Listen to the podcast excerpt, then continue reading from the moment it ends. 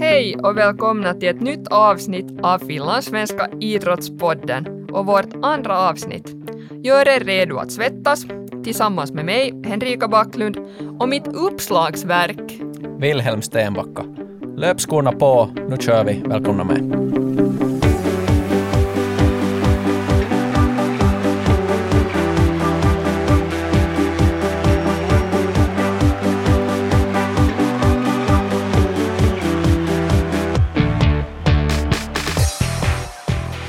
Ja, idag ska vi flåsa, grina och tetsa oss fram i den mörkaste av skogar. Vi ska ta oss från punkt A till punkt B. Vi ska springa genom åkrar och kärr, skrapa upp knäna och riva sönder våra skjortor. Vi kommer att diskutera uthållighetsidrott med specifik koncentration på orientering. Och överlag lite diskutera det här med uthållighetsgrenar, där man förutom kondition också behöver bemästra vissa andra färdigheter och skickligheter. Äh, målsättningen är den att jag och Ville ska ha duktigt med mjölksyra i huvudet.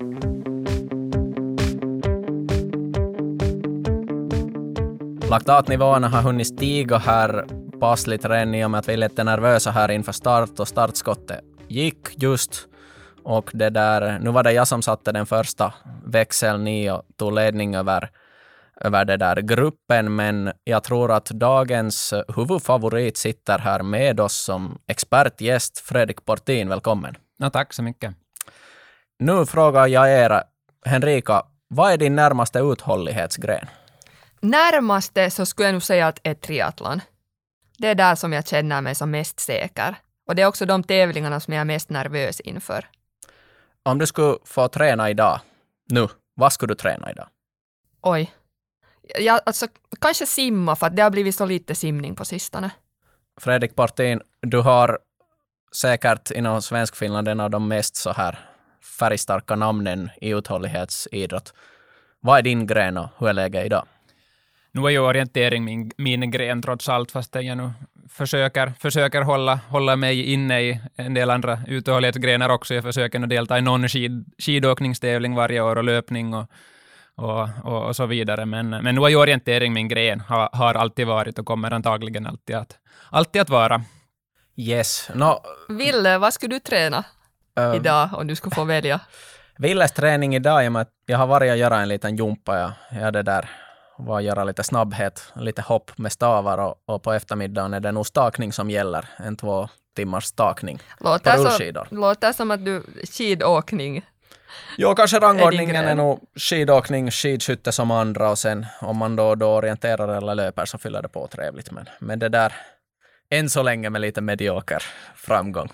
Hej, vi hoppar in mot dagens tema och vi kommer eh, som sagt att, att idag egentligen tänka oss att vi, vi sitter i en helikopter som, som lite flyger över olika terränger. Ni kan se en bild framför att ni är en terräng, tittar ner.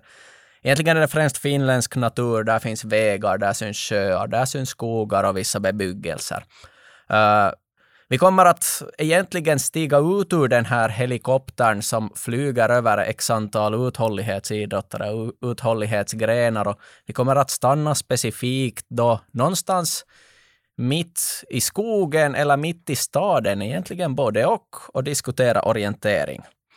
Vi kommer att göra paralleller till andra grenar som har gemensamma drag med orienteringen, det vill säga man ska vara i form, man ska röra sig snabbt, men man ska också kunna göra saker rätt. Vi har nära släktade grenar på det sättet i form av, av då skid och cykelorienteringen, men också bland annat skidskytte, en, en sån här tillämpad gren och, och triathlonen kan vi visserligen också säga där man Även om man ut, har uthållighet i alla, alla tre former, simning, cykel och, och löpning, så måste man också kunna någonting där. Fredrik, uh, vad är dina kopplingar till orientering idag? Väldigt många. Jag är ju chefstränare från och med oktober då för, för Finlands landslag. Då jag jobbar på, på Suunnistus finskspråkiga orienteringsförbundet. Och vi är det på, på, på många sätt involverade i, i, i mångt och mycket av vad som händer på, på, på elitnivå då i, i Finland. Men eh, sen så håller jag på för egen, egen del också fortsättningsvis, tycker väldigt mycket om idrotten och njuter av egna idrottandet också fort, fortsättningsvis, även om jag slutar på landslagsnivå då själv och tänker inte delta i, i några mästerskapstävlingar längre och har inte mål att göra det heller, men njuter av att vara i form. Sen har jag inte kunnat hålla mig från, från föreningssidan heller, att, att eh, på, på sätt och vis även som föreningsaktiv delta, deltar i, i Pargas IFs verksamhet då också framför allt, så det där rätt brett. Du har egentligen en, en multiroll i form av fortfarande hård idrottare, tränare. Du har också varit expertkommentator och, och, och skrivit en del också, så att, att det där Känner jo. du att du har grenen i din bakficka? Nåja, no det, det skulle jag väl kanske påstå i alla fall. Att, jo, det var jättekul kul att förra, förra året vara med som expertkommentator på Yles sändningar då också. Det, det skulle jag nog ha fortsatt med åtminstone på Jukola då också i år, ifall det skulle ha blivit, blivit av. Yes, Henrika. Uh, vad betyder orientering för dig? Det är som en evig utmaning, men det, det gillar jag. Alltså jag, jag orienterar gärna om jag har möjlighet, men att kanske mera betoning på det där gärna än, än, än bra. Jag, alltså, jag, och jag måste, jag måste faktiskt päta med att, att jag har nog deltagit i något FM, allmänna damklassen, och jag har inte blivit sist. Så att jag, det, det ser jag som en merit för en triatlet. Absolut. Och så har jag faktiskt en gång blivit vald till OK Raseborgs, äh, hela mitt utförande har blivit valt till till föreningens bästa budkavel-utförande ett år. Men jag, jag, kan då medge att jag såg inte något annat på ka från kartan än koden under det utförande. Ja. Resultatet räknas. Absolut. Kyllä. Ville, vad är din koppling till grenen? Uh, no, jag har en, en lite kanske då tudelad roll i och med att jag nu jobbar med Finlandssvenska orienteringsförbund uh, lite sådär som en, en koordinator eller man kan väl tala också om en, en verksamhetsledarroll. Sen för eget idrottande så, så det är nog skidåkningen som gäller, men orienteringen är en, en sån här stödande träningsform. Jag älskar sprint och det att man får springa med hård fart och inte snubblar. Men det där eh, kanske terrängorientering och då är mera en sån här lugn träningsform och nu och då är det roligt att ställa upp i stafetten om man platsar någonstans. Men, men det är som en sån här subgren i, i det idrottande. Uh, nu tar vi en sån här kort grillning på vår eminenta gäst här, det vill säga vi lägger Fredrik i den obekväma sitsen här att, att få besvara några sådana här intressanta grejer. Uh, vi kan väl lova här att mot slutet av den här, det här avsnittet så uh, har alla medverkande lovat avslöja en sån här individuellt skamframkallande bom. Absolut, det ska vi klara av. Pinsammaste orienteringsmissen? Vi får höra hurdana pinsamma missar det finns. Finns det något pinsamt överlag? Men när vi talar om missar, jag börjar Fredrik med en sån här fråga. Hur skulle du definiera en bom? Ja, no, det är en bra fråga, för det, det är ju lite, beror ju på, på vilken nivå man är när, när man räknar att den där bomtiden slår på. Men ska vi nu vara strikta till definitionen, om vi nu, om vi nu håller oss till Pekka Nikolainen och Janne Salmis teser, så är ju en bom egentligen redan det att man har tappat fokus med vad man håller på med, även om det inte skulle leda till något, något tidstapp. Så på den nivån så befinner sig ju en elitlöpare då, att, att varenda sekund och, och redan en risk i sig kan räknas som en bom. Uh, men uh, själv så kanske jag nu Kanske jag nu inte räknar under tio sekunder i alla fall som bom, men uh, ganska fort därefter så slår det nog på för mig i alla fall, bomkontot. Yes. Vi kommer kanske att fråga också att hur känns det när man märker att man bommar, men först hej. Fredrik, hur har din vår sett ut? Som eh, alla andra så har det ju varit lite kaosartat och eh, svårt att veta vad man ska förbereda sig för också så, som, som tränare såklart.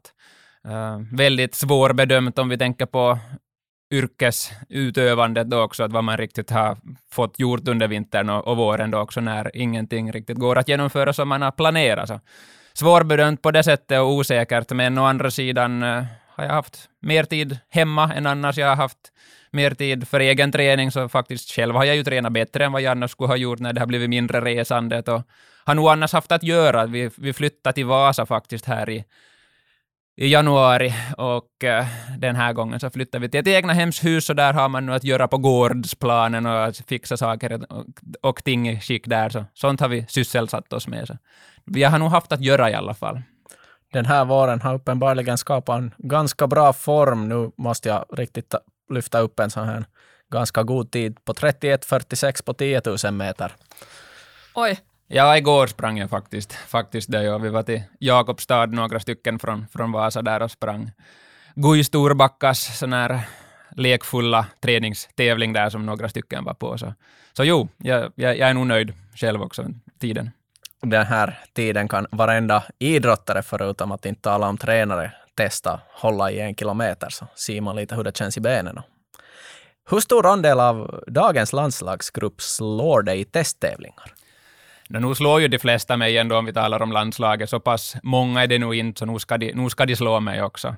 Men, eh, men långt därefter så ligger jag nog inte. Och just när vi tänker på arbetssätt som vi har inom landslaget, just att vi springer efter folk med kamera då också på, på våra träningsläger och, och, och på det sättet så, så är, har man ju nog nytta av det också som tränare, att eh, man, man orkar med och, och, och vet vad det är frågan om, kanske ger lite pondus i alla fall om man själv på någon slags nivå hänger med själv. Fungerar det som någon slags morot åt dig att, att kunna utmana faktiskt landslaget om vi säger att ni springer 5000 meter? Ja, visst. Inte är det något sådär konkret mål. Jag, jag, jag är ju nog på riktigt nöjd bara, bara löparna springer fort. Det är ju nog det som, det som jag vill åt. Sedan om jag slår dem eller inte är ju nog egentligen en bisak. Men just att hålla god nivå så njuter jag, jag ju av fortsättningsvis. Att det är nog en skön känsla det där när man kan trycka på och känna att man, man är på den nivån som, som, som man vill vara på då i alla fall för tillfället. Så det att vara i form så det är väl kanske mest det som jag, som jag strävar efter med egna satsningen. Det är säkert någonting som sådär inom teamet också är en ganska bra spark åt andra hållet, att idrottarna inte riktigt täcks förlorat sin tränare.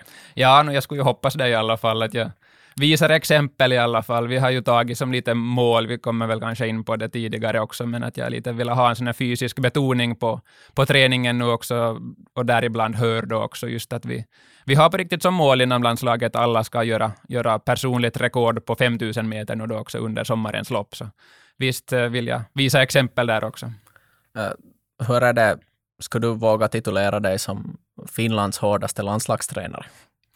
No, det gjorde ju Helsingin Sanomat här tidigare redan, så ja, nu kan jag väl känna igen mig i det. I alla fall kommer jag nu inte på några, på, några, på några flera just nu. Nej, det är nog det är hård konkurrens där. Det är många som är hårda. Uh, vad skulle du ha blivit om du inte skulle ha blivit orienterare?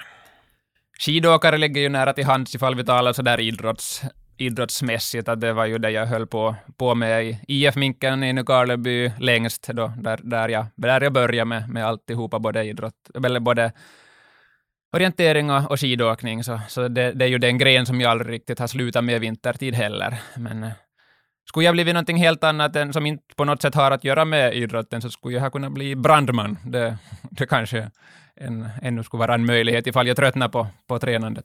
Precis, ja. No, men det är bra, vi är tre här som sitter och grinar och flåsar och, och, och har laktater i, i, i benen gärna.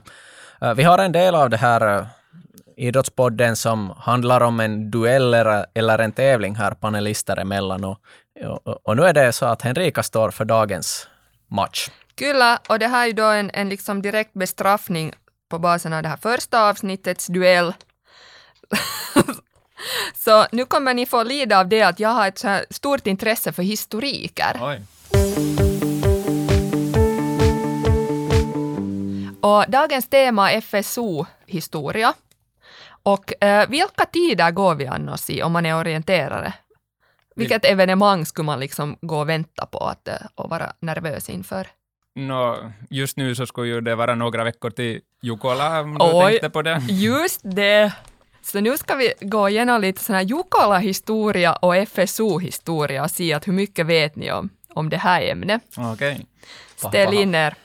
Fråga nummer ett. Vilket år arrangerades den första Jukolakaveln? Ja, det borde jag också veta. 1949. Rätt. Mycket bra. Accepteras.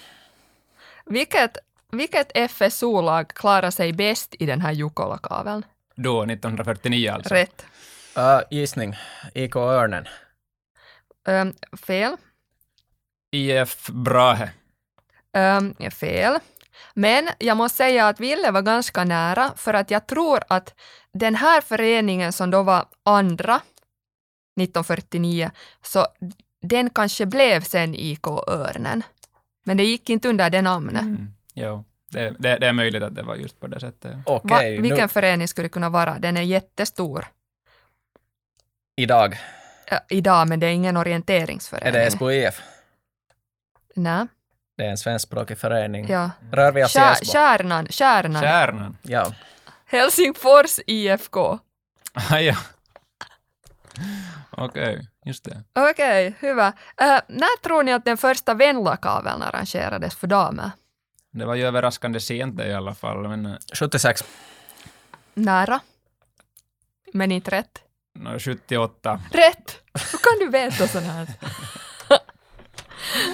Rätt. 1978. Vilken FSO-förening klarar sig bäst då? I den här Vänlan. Ja, 1978. Det vet jag faktiskt inte heller, men jag gissar på... Ah, Nej, vem ska jag gissa på heller? Nej, alltså jag kan hjälpa er att den här föreningen så äh, drar jag inga kontakter mera med, med orientering. Ta, ja. Så att det är en allmän förening då? Det är en allmän förening och jag mera liksom, ähm, det här betyder för mig innebandy. Innebandy. Ådalens IF. Äh, jaha, n- nä. Och östra Nyland. Nå, PSS. äh, alltså Borgo- Akill- Achilles, tänkte jag på tidigare också. Det är nära, lite mera österut. No, Lovisa Lo-. Ja, just det ja. Lovisa Thor var nionde Okej. 1978. Venla-kaveln ordnades första gången. Sen Mm. ungdomens Jukola ordnades lite senare. Vilket år? 91. Ja, någonting där nära var det nog. Nå, jag säger 90 då, det är strax före. Det. Äh, 1986. Okej. Är ja. du kanske född då, Fredrik? 89. Aha, okej. Mm. Vilket FSO-lag klarar sig bäst? Den där 1986, ungdomens Jukola. Sibba Vargarn. Kanske IF 5 Um, dra lite hemåt, Stenbacka. Närpes. Dra OK77. hemåt. OK77, rätt. De var fjärde. Mm. Sen gå, vi följer ännu Jukola-tema. Uh, vilken FSO-förening så har senast vunnit Jukola-kaveln? Det var svårt, det kommer på många som har... Det var- treor kommer jag Det var ihåg, men 1971 har, se, Ja. har en FSO-förening senast vunnit Jukola-kaveln. Är den aktiv idag ännu? Nej, Örnen. rätt. Ja, just IK det. Örnen. Då var det Örnen. Ja. Och det, det är faktiskt den enda FSO-förening som har vunnit Jukola-kaveln och två gånger, 1951 och 1971. Ja. Och sen har vi en sån här, hur mycket vet ni om såna här gamla FSO-idrottsprofiler? Jaha, vi ska Jag se. lyfter h- händerna högt upp i luften här. Vi ska se. Nu är vi på halis. Okej, det här början av 90-talet var det kanske mest framgångsrika FSO-orienteraren Arto Virtala. Han vann hur många som helst FM-medaljer och hade flera landslagsuppdrag. Vilken förening representerar han? Nå, Pargas IF. Det var ju lätt. Ah, det var för lätt. Ja. Skulle du ha vetat, Ville? Nej, jag skulle ha gissat på det, inte för att jag vet, vet så mycket om de framgångarna, men att Virtala är ett bekant namn i Pargas IF. Och min duell var slut och den visade sig att vara jätteenkel för er. Nej, inte kunde vi, kunde vi ju allt. Vi vågar gissa, vi, vi hade turen att gissa rätt i början. Mm. Kan, kan, du, kan du, vi hade ingen poäng, poängräkning här, men det där, i dueller så det brukar det ju vara så att det är en som överlever och den andra som faller. Så att vem var det som överlevde och vem var det som övergick till nästa fas här? Nu är jag som sån här enhällig domare så, tycker jag nog faktiskt att de här Fredriks årtal, så det här att man liksom på riktigt vet att när någon Jukola-kavel första gången har ordnats av Venla-kaveln, så Nå, jag, jag är annars inte så där statistiknisse, så jag vet, fakt- vet allt om allt, men, men just det här Jukola så har jag nog sett ett antal gånger på de här gamla resultaten också, så nå, någon slags hum så hade jag. okej, det kommer därifrån. Så jag, jag ska nog kora honom som en vinnare. Jag var accepter, accepterar min förlust och jag antar att jag måste det där ta mig till sjukstugan och, och, och slicka såren ett tag och komma tillbaka starkare.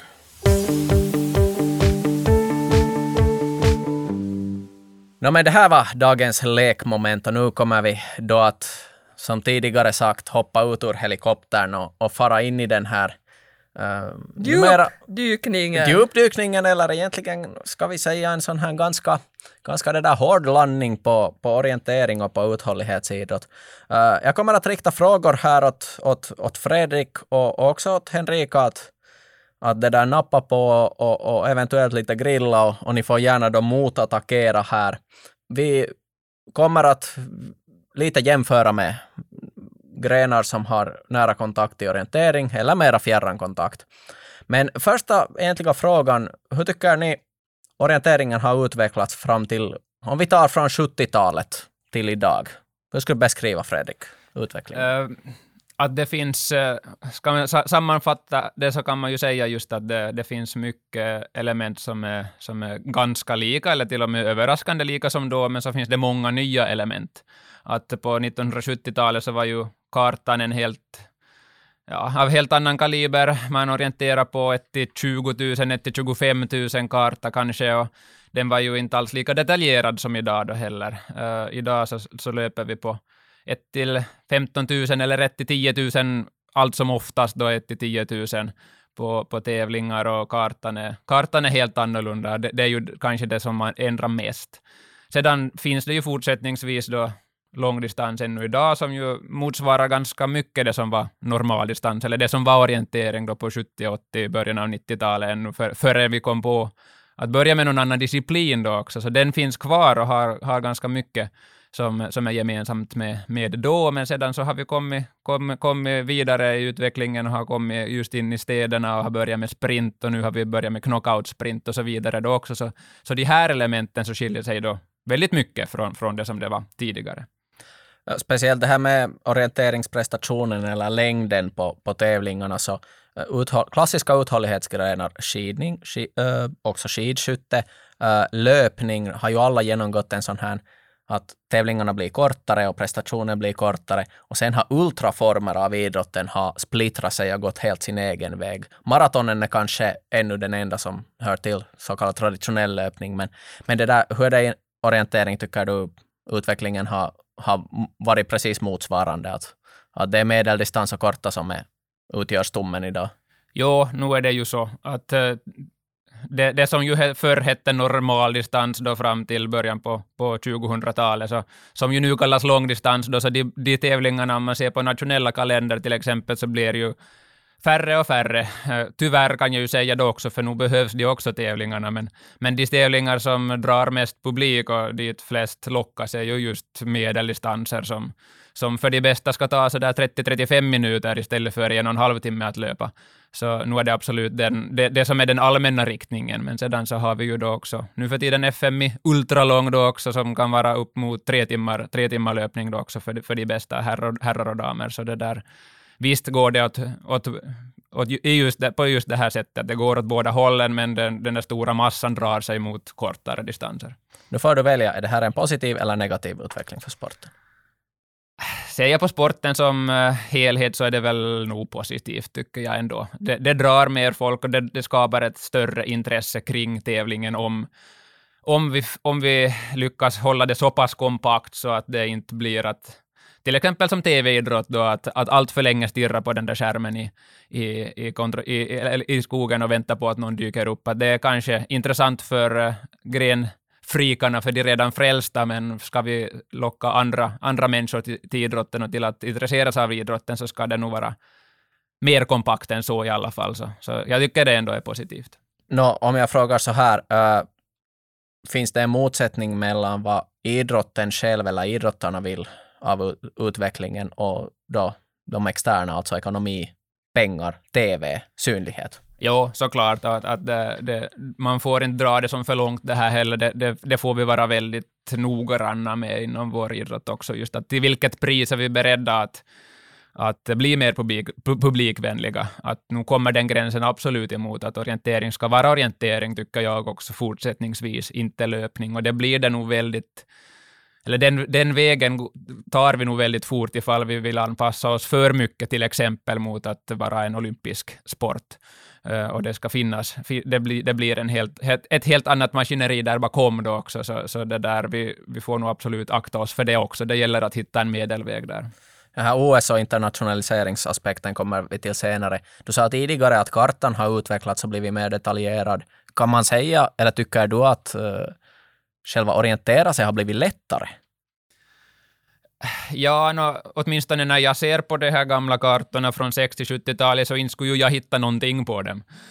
Men eh, det är ju helt vad man är van med det där också, att, eh, att det där lättare och svårare både och, för att eh, det är ju objektiv, objektivt sett lättare när kartorna är så pass mycket bättre så det är helt enkelt, det är möjligt idag att orientera helt prickfritt, att du inte bommar alls, men samtidigt så blir det ju ett spel med det där då också, just att hur, ja, orientering på elitnivå är ju långt det, att hur hur mycket är man be beredd att uh, satsa eller hur hårt vågar man löpa men ändå så allting är under kontroll. Så så, så det, den där balansen just att det är möjligt att orientera prickfritt, men, men att man ska kunna göra det i så pass hög fart och just att också sådana väldigt små misstag räknas på annat sätt än vad det gjorde då på 60-70-talet. Så, så, så det, det, har gjort det annorlunda. För, för, ur min syn, synvinkel så kanske det, jag upplever det som både enklare och svårare på, på, på, båda, eller på olika sätt. Och här är de här små marginalerna säkert som räknas. Skidskyttet har det här med att man måste skjuta snabbt och varenda miss är faktiskt en stor miss. Okej, okay, uh, om vi säger att, att farten då har ökat, eller den risktagning som krävs av idrottaren när det gäller farten, hur är det med idrottarnas fysiska färdigheter? Idag jämfört med no, vad du har erfarenhet av, hur har fysiska färdigheterna utvecklats? No, det beror ju på vem man frågar det här också. många tycker att uh, allt var bättre förr och många tycker att uh, man springer alldeles för långsamt idag då jämfört med vad man gjorde, gjorde tidigare.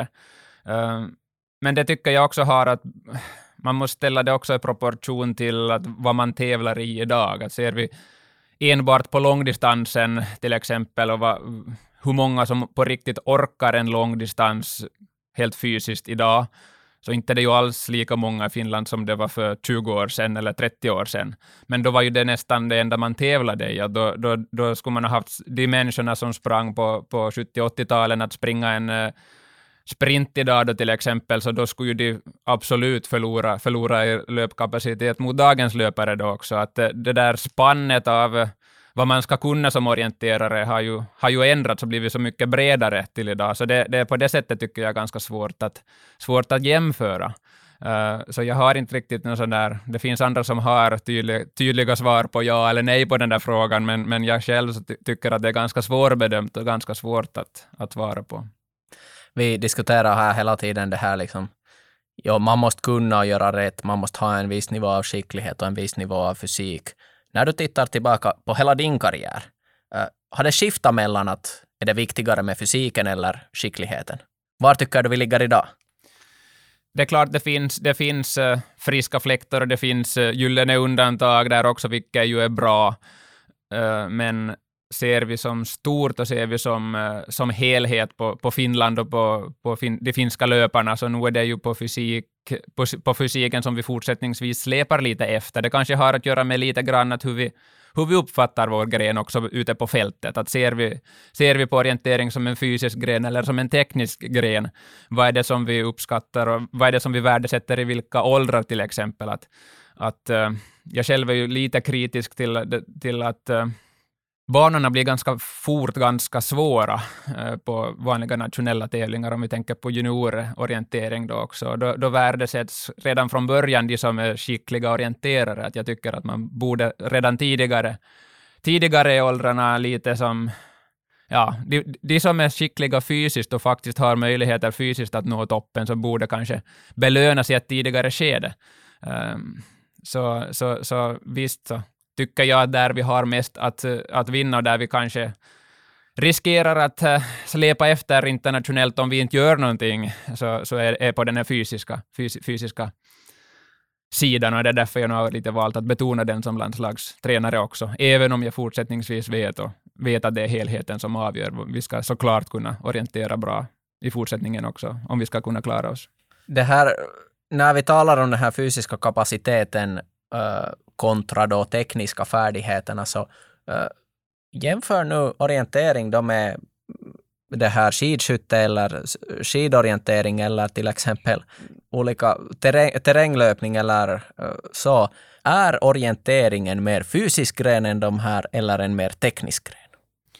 No, på det sättet i alla fall ser jag likheter eh, med de här grenarna, att det är ju på riktigt den helheten som avgör. Att på samma sätt som jag kommer ihåg när Jonne Kähkönen blev eh, chefstränare för skidskyttarna då också, så talade han om det där. Eller, eller idrottarna talade om att det var då man började inse att man tränar skidskytte. Att man tränar inte skidning och skytte, utan man tränar skidskytte. På det sättet så ser jag ju absolut likheter med, med vår sport. Att det är ju helheten som avgör och det beroende på de här personliga personliga svagheter och styrkor så, så kan den här paletten på egenskaper som krävs för att klara sig se lite olika ut.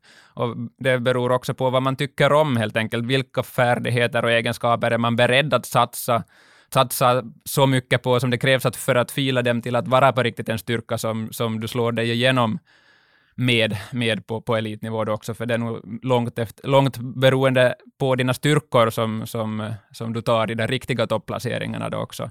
Så det är svårt att säga. Är, är det, och, och jag, jag, tycker kanske personligen att det går i den riktningen att det blir mer fysiskt just i och med att vi får in de här nya, nya grenarna som till exempel knockout sprint då också uh, vanlig sprint också där löpfarten krävs. Plus att vi ganska ofta nu för tiden springer, springer värdetävlingar på sådana skogsområden också där det ofta är ganska god botten där man på riktigt kan hålla, hålla, hålla god fart också. Så jag tycker ju att det går mer i den riktningen, men det är nog ingen fråga om att båda behövs fortsättningsvis. Det, det, är, det är en balansgång. Nu när vi går sen in lite på den här träningsbetoningen, så nu tar jag en annan grej, inte bara det här liksom med, med, med det där uh, teknik kontra, kontra uh, fysisk kapacitet. Om vi utgår från en sån här kausalitet, att du tränar på någonting så blir du bättre på det du tränar på. Uh, om man tränar på sin fysik så borde man ju bli en allt bättre löpare. Tränar man på teknik, en säkrare orienterare. Finns det en motsättning här mellan, mellan det här uh, prestationssäkerhet och kapacitet? Fysisk kapacitet.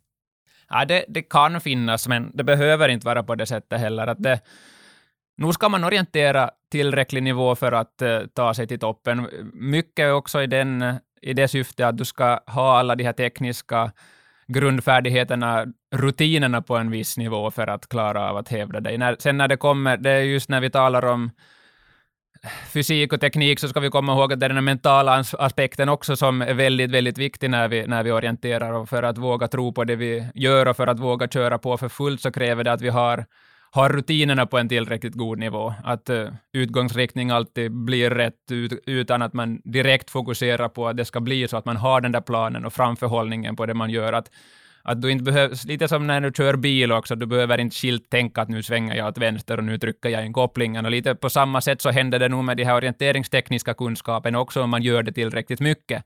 Så visst, det krävs i något skede av, av karriären att man på riktigt orienterar mer.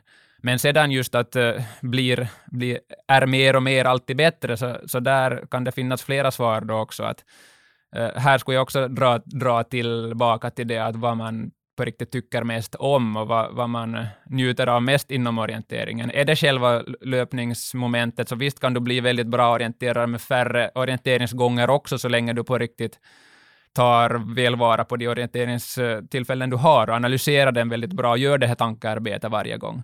Men, eh, men är det som är det själva orienteringen som du riktigt brinner för att utveckla ända in i det sista och slipa på, så nu kan du orientera ganska mycket då också utan att eh, eller på ett mer grenspecifikt sätt då än, än vanlig löpning. Så det går, det, det finns flera vägar till Rom inom vår sport. Det, det, ser man väldigt tydligt när man är med mer inom sporten, att det finns många olika Jämfört med övriga idrotter så finns det fler typer av idrottare som ändå kan komma till ganska nära samma, ganska, ganska samma resultat på väldigt olika sätt. Så, så det, det, det, där är också svårt att svara på. Visst, man, man ska orientera mycket, men mer är inte alltid, all, alltid bättre heller när man kommer till en viss nivå. Det här är de eh, egentligen hårda frågorna i all, all idrott. Uh, Hej, jag undrar en sån här sak som har med orienteringens strategiarbete att göra. Det här brukar jag själv fundera på mycket när jag um, tar mig från en kontroll till en annan och det kommer några överraskningar på vägen. Så hur tänker, hur, någon, hur tänker en sån här riktig orienterare? Um, är det så att när man har fattat ett beslut, så då ska man hålla sig vid beslutet? Eller ska man vara kapabel att kunna ändra sin plan snabbt enligt läget? Det, här, det, det, är en bra fråga och det där är just det som man brottas med också som, som, som orienterare. Och beroende på situation så kan, kan det vara både och. att eh, det, det, det är på riktigt en sån hel, man måste se den där helheten av det. Att eh, tänka just som, som Villa var inne på här tidigare, att man ser sig själv i en helikopter och vad är det som på riktigt bäst härifrån att, att ta sig från plats A till plats B. Um, det får inte bli på det sättet att du bestämmer dig för en sak och så sedan så är det någon enskild passage som ser för jobbig ut eller som, som uh, man tänker att den här dit vill inte jag fara, att jag, jag är för trött, jag orkar inte upp för den där backen och sedan tar man beslutet på grund av det. Okej. Okay. Uh, uh, eh, men det är lättare sagt än gjort, det vet jag nog själv, själv också. Men, men, uh, men däremot att om, det på om, man kom, om man har gjort en plan, om man vet att det, det kanske inte är så jättestor skillnad exakt var jag springer, så nu ska det finnas rum för flexibilitet då också. Nu. Det beror väldigt på vilken typ av sträcka det är. Om det är till exempel en lång sträcka som man har bestämt ett visst vägval på, så sällan blir det bättre av att man ändrar sig mitt i. Så då, då är det nog på ett långt avstånd i regel bra att hålla sig till det som man har tänkt ganska långt. Men sedan finns det också exempel på typer av sträckor där det där det på kartan är ganska svårt att säga exakt var det är bäst löpbarhet till exempel, så där ska man då ta, absolut ta något stråk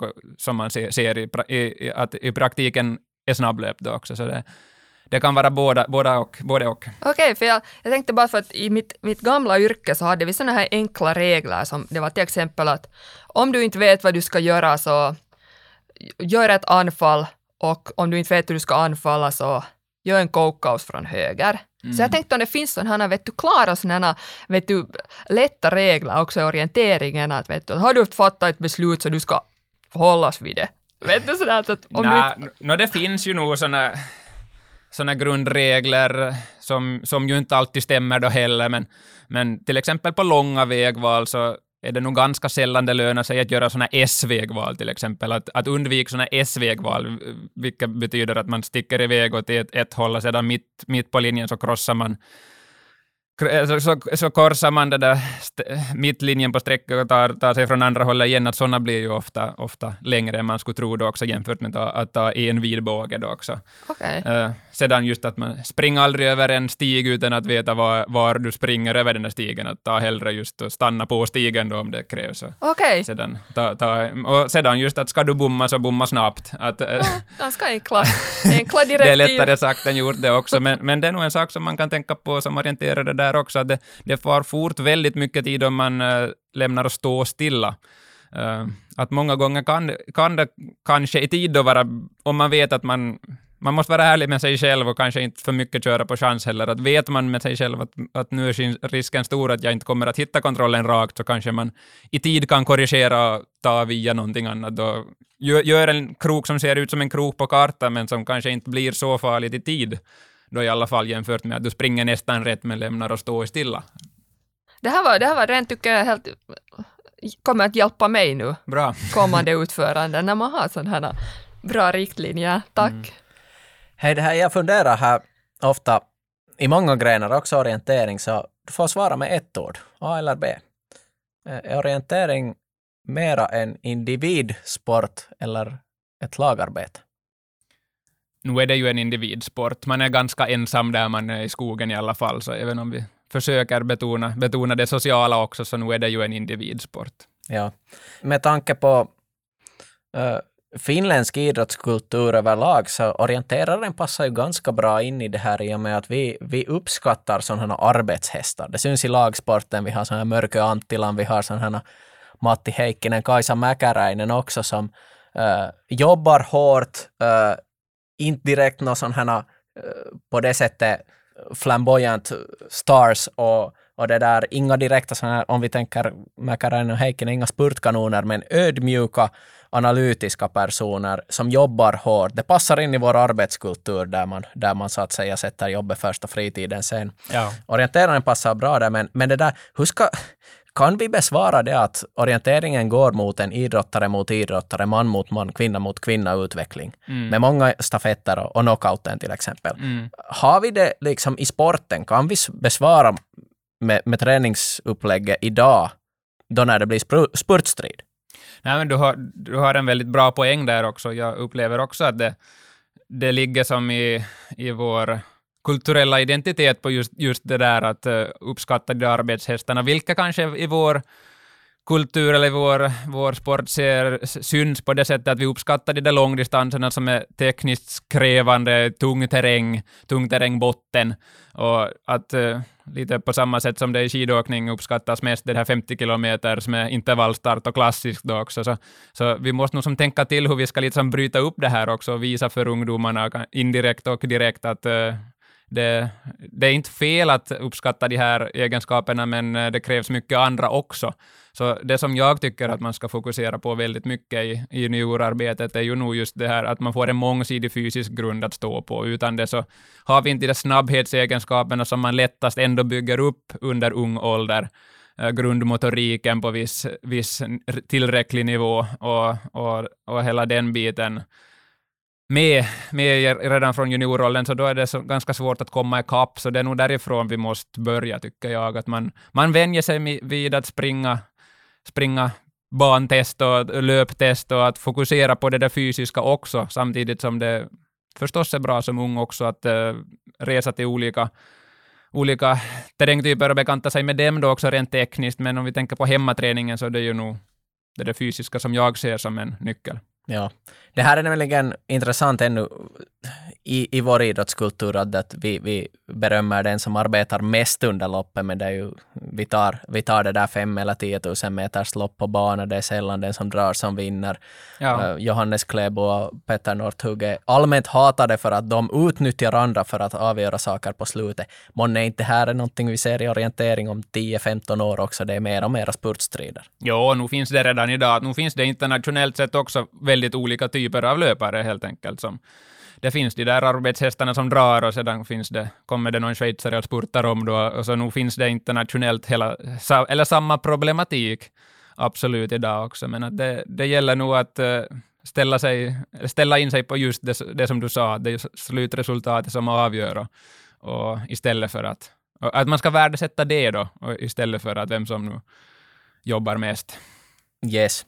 Jag skulle gärna flyga, göra en kort mellanlandning här ännu på, på den här grenens framtid och internationaliseringen. Uh, jag drar en sån här väldigt kort monolog hit. I och med att vi ha, har den här nordiska uppskattningen för arbete och, och, och nordiska uppskattningen för uthållighetsgrenar, det passar oss ganska bra.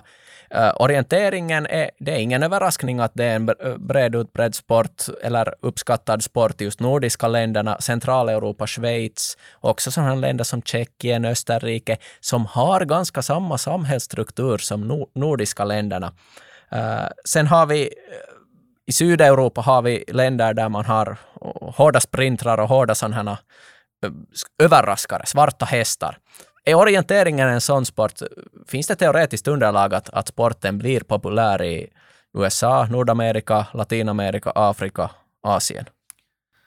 Ja, jag tror ju kanske själv inte att det kommer att ske inom den närmaste framtiden, att det blir någon världssport på det sättet att det på riktigt skulle vara stora, stora skaror från de här länderna. Men det är ju nog det man vill åt, delvis också genom att eh, införa de här sprint-VM varannat år, att man kan arrangera VM då till exempel också i sådana icke-traditionella orienteringsländer där det finns parker, eh, städer som passar bra för sprintlöpning men inte regelrätta skogar.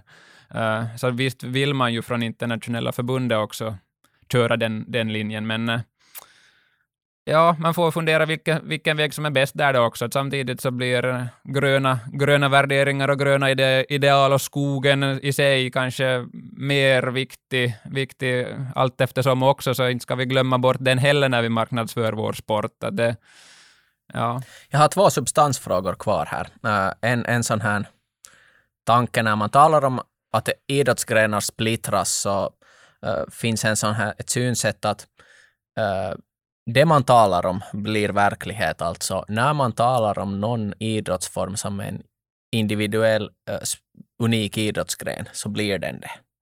Uh, vi tar till exempel mountainbikingen på 70-talet. Det var, det, den splittrades från övrig cykling genom att man började tala om den som egen gren. Och så blev det en helt egen grenkultur som sista slutligen är, är väldigt självständig och har splittrats inom sig. Uh, I löpningen har det sett också på 2000-talet, 2010-talet började man med benämningen trailrunning tala om stiglöpning och det blev en egen subgren. Orientering. Finns det möjlighet att vi talar om skilt skogs och stadsorientering om 10, 15, 20 år? Ja, vad, ska, vad som händer om 20-30 år så är det ganska svårt att förutspå. Inte säger det som omöjligt, men inte säger jag som att det kommer att hända på de närmsta åren i alla fall, att man går, går så långt från varandra. Jag tycker nog att det, som det ser ut nu så är det ganska långt samma utövare som håller på med båda dera. Men nu kom, nu, det, det håller jag nog med om, att jag, jag är nog övertygad om att uh, om 20-30 år så, så kommer andelen som satsar på det ena eller det andra att vara fler än idag. Jag, jag tror nog att båda kommer att finnas kvar, sedan vad man benämner, benämner dem som så vågar jag kanske inte uttala mig om. Men, men jag tror nog att det går i den riktningen, att fler, fler specialiserar sig på antingen sprint eller skog. Så allroundern kommer att, om inte försvinna, bli en, en, en ovanligare syn och specialisten blir vanligare. Ja, no, så förutspår jag om jag får, får gissa. Ja. Nå, det är ju inte sagt att det kräver då att det är två skilda grenar, utan friidrotten har ju bland annat sprintrar, 10 000 mm. meters löpare, kastare och så vidare. Substansdykningen var här. Vi har några eftersvetsfrågor här kvar då åt, dig Fredrik och, och det där så har vi den här moroten Bommen. med vackra bommar ännu på väg. Det här, nu när eftersvetten rinner, vi har kommit i mål egentligen, men man måste ju ge, ge det där då den eh, nyhetshungriga pressen också lite uttalande hur det var ute i terrängen. Så det här, vi talar här om det att det finns fysiska monster eller, och säkra revar ute i terrängen. Så Fredrik Portin, är du ett fysiskt monster eller en säker rev?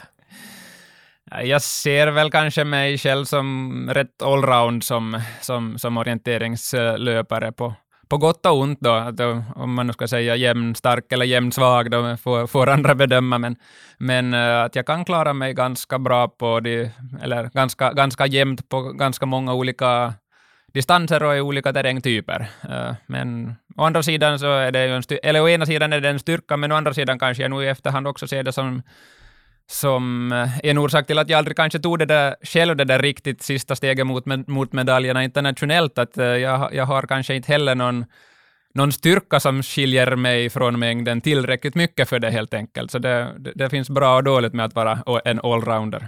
när du ställde dig på, på det där startsträcket i VM och EM, eller i stafetterna. Vem är det som har det här mentala övergreppet? Är det det här fysiska supermonstret eller är det den där som säkert tar sig genom banan utan att göra några större missar?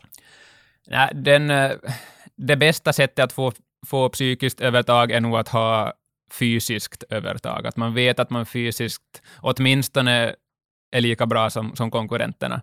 Eh, det, det ger som ett mentalt lugn att göra det du kan på ett annat sätt också, att våga, våga lita på att det räcker helt enkelt, våga trycka på gasen på rätt ställen och dra på bromsen på rätt ställe. Att det kräver just att du har den där mentala tilliten på att du, att du gör, gör det med tillräckligt god fart helt enkelt. Så frågar du mig så är det nog, när det gäller mentalt övertag, så är det nog den där fysiska biten som är, så, som, som är viktigast. Ja, jag håller lite med där från, från skidskytte. Det är nu sällan jag har varit i det läget att jag har varit på sista stående i lag med någon och faktiskt kämpat om någon vettig placering. Men nu är det så där när man kommer från de där straffrundorna som ofta har varit många, så nu är det ju den där fysiska som har haft övertaget redan när vi kommer till skjutvallen. Att den som har, är i underläge som måste göra allt rätt och det är inte sagt att det räcker heller.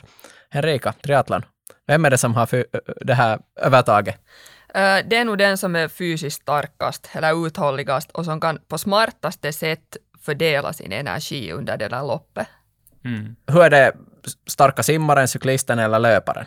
Uh, det är nog den starka löparen som vinner på slutet som har simmat och cyklat smart. Ja. ja. Så det är i alla egentligen det som avgörs mot slutet, så den har, i alla fall i, i vår, vår trio här, så att, att den som har har kapaciteten att avgöra mot slutet som är den där liksom med övergreppet. Så, så är det nog, men cyklingen är ju den längsta grenen. Mm. Att ma, man kan liksom inte undervärdera den. Mm. Henrika, du har här riktigt suttit och, och, hoppat på din stol här och bara väntat att få avslöja din mest pinsamma orienteringsbom. Yes, och, yes, och sen ska ni försöka överträffa det här. Nå ni. Okej, det här var många år sedan militär FM i orientering någonstans i Fredrikshamn-trakten. Och av någon underlig anledning så hade jag fått en sån här GPS-sändare. Jag skulle starta i, i damklassen. Och jag tror att det berodde på det att det, Marika Teini och sån här klassens orienterare hade inte ännu då tagit anställning i Försvarsmakten. Nå, men, jag, men som sagt, så jag kan, med god tur så ibland så kan jag lyckas i orientering. Så att, så att jag, jag hade hoppats på ett sånt här utförande. Um, det var kanske en och en halv kilometer till start och den var som, det var skyltat hela med sådana band i träden. Och jag brukar alltid i jättegod tid så tar jag mig till starten så att det inte, man inte i misstag ska bli försenad för det är hemskt. Jag kände mig stark och avslappnad och jag började jogga till, till starten. Och så joggar jag och joggar jag och så märker jag efter kanske 20 minuter att, att jag har inte kommit till någon start och jag ser inga sådana här band heller någonstans. Och då blev det sån här lite sån här panik att oho, att jag, jag ska starta om sådär en, en tio minuter. Och, och jag vet inte var jag är för tillfället och jag har en GPS-sändare på mig. Sen så började jag springa tillbaka och paniken liksom, det bara steg och steg att var är jag någonstans och var är starten? Och så kom jag som äntligen tillbaks till den här vart det fanns något band och märkte att den har ju vikit av in i skogen här i något skede och jag har bara som gjort min uppvärmnings Mm. rörelser och helt missat det här. Och min start har gått. Och jag har en GPS-sändare på mig och jag vet att den här arga idrottsofficeren sitter just nu och följer med här liksom vid målområdet, den här, var jag rör mig.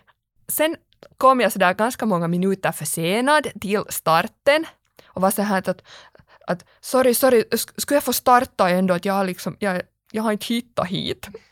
Och sen och sen efter ett sånt där liksom miss så började jag försöka på något vis liksom samla ihop dig själv och orientera.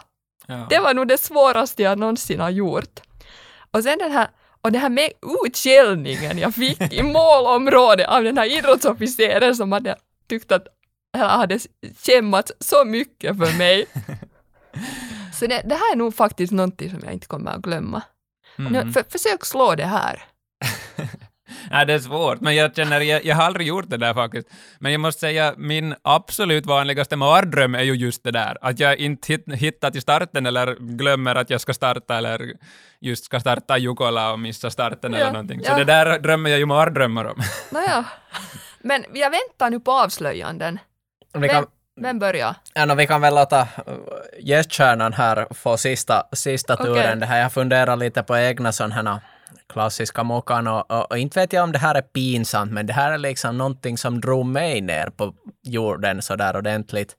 Uh, Hollola Jukola, jag sprang i, i, i OK77, tror jag tredje lag då när, i och med att jag ändå inte, inte sådär kallar mig för tävlingsorienterare, så jag visste att vi hamnade just i den här gemensamma uh, vågstarten där då, är det sju eller nio på morgonen, så jag hade ju tänkt att nåja, att jag är tredje laget och far i den här vågstarten, att det är nog all out, helt fullt. Och ja, men man kommer någonstans med fötterna så tänkte jag att jag gör en sån där riktig liksom rykare från start och far så hårt som möjligt att till första mellantid så, så, så det där, jag hade ju talat om det där, att till första mellantiden så får ni se att det liksom real, realplaceringarna stiger med hundra och det är huippuaika och sådär.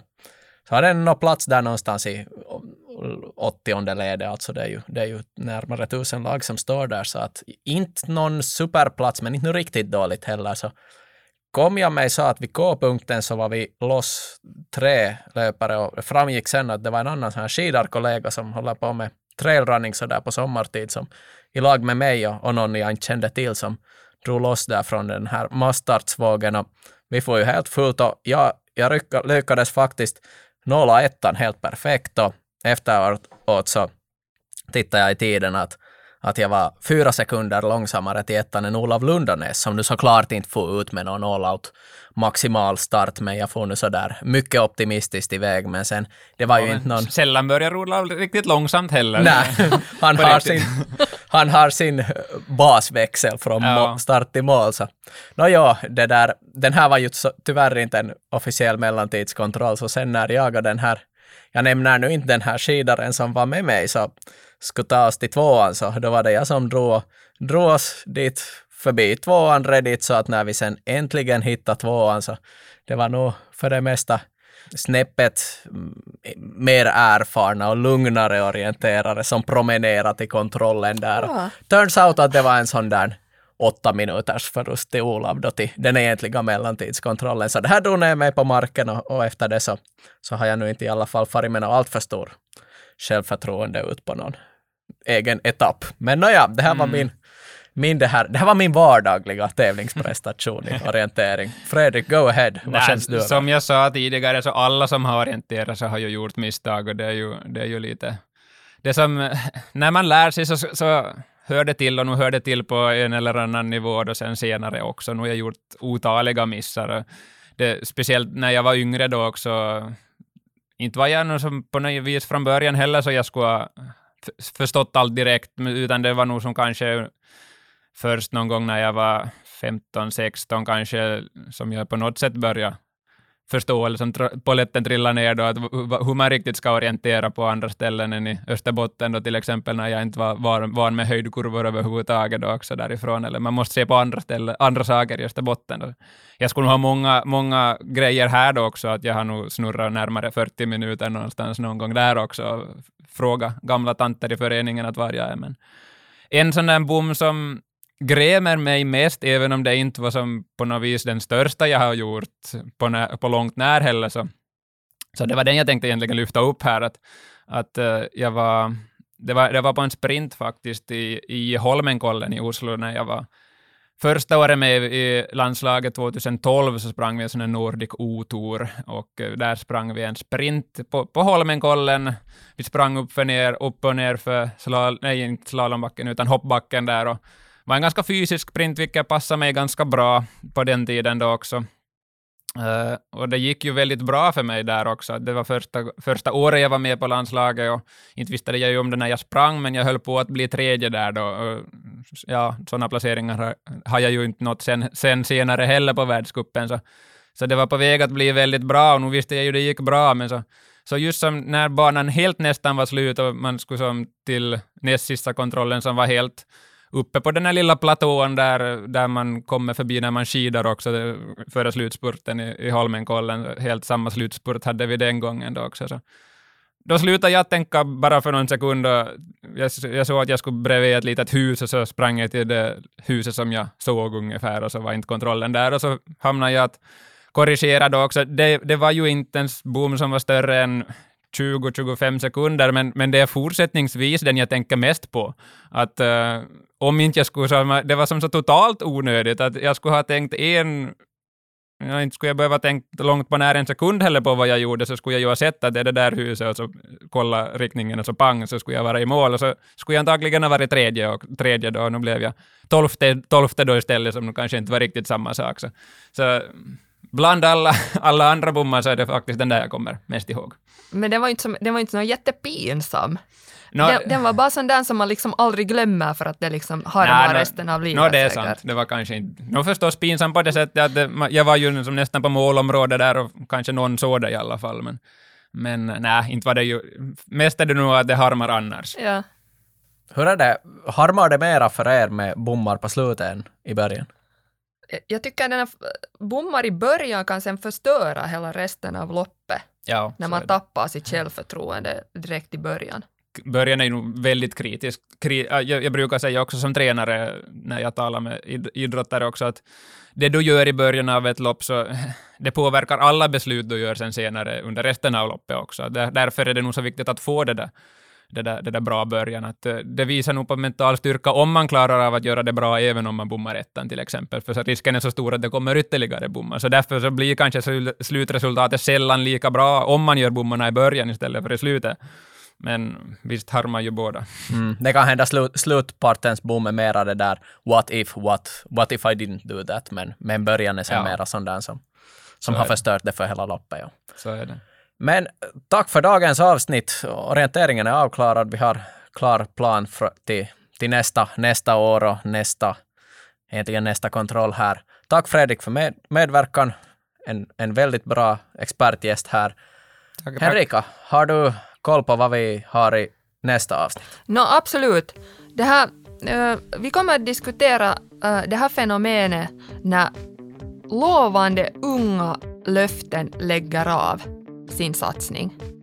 Vi har jätteduktiga finlandssvenska föreningar som uppfostrar barn och ungdomar till väldigt duktiga idrottare. Men sen händer någonting i ungdomsåren som gör att de flesta så väljer att inte fortsätta sin satsning. Och det är det som vi kommer att djupdyka i i nästa avsnitt. Att varför händer det här och hur skulle vi kunna motverka det? Kom ihåg att lyssna. Vi kommer att diskutera drop-out med andra ord. Nu är det dags att drop-outa från den här studion för idag. Tack ska ni ha. Vi hörs. Tack. Tack!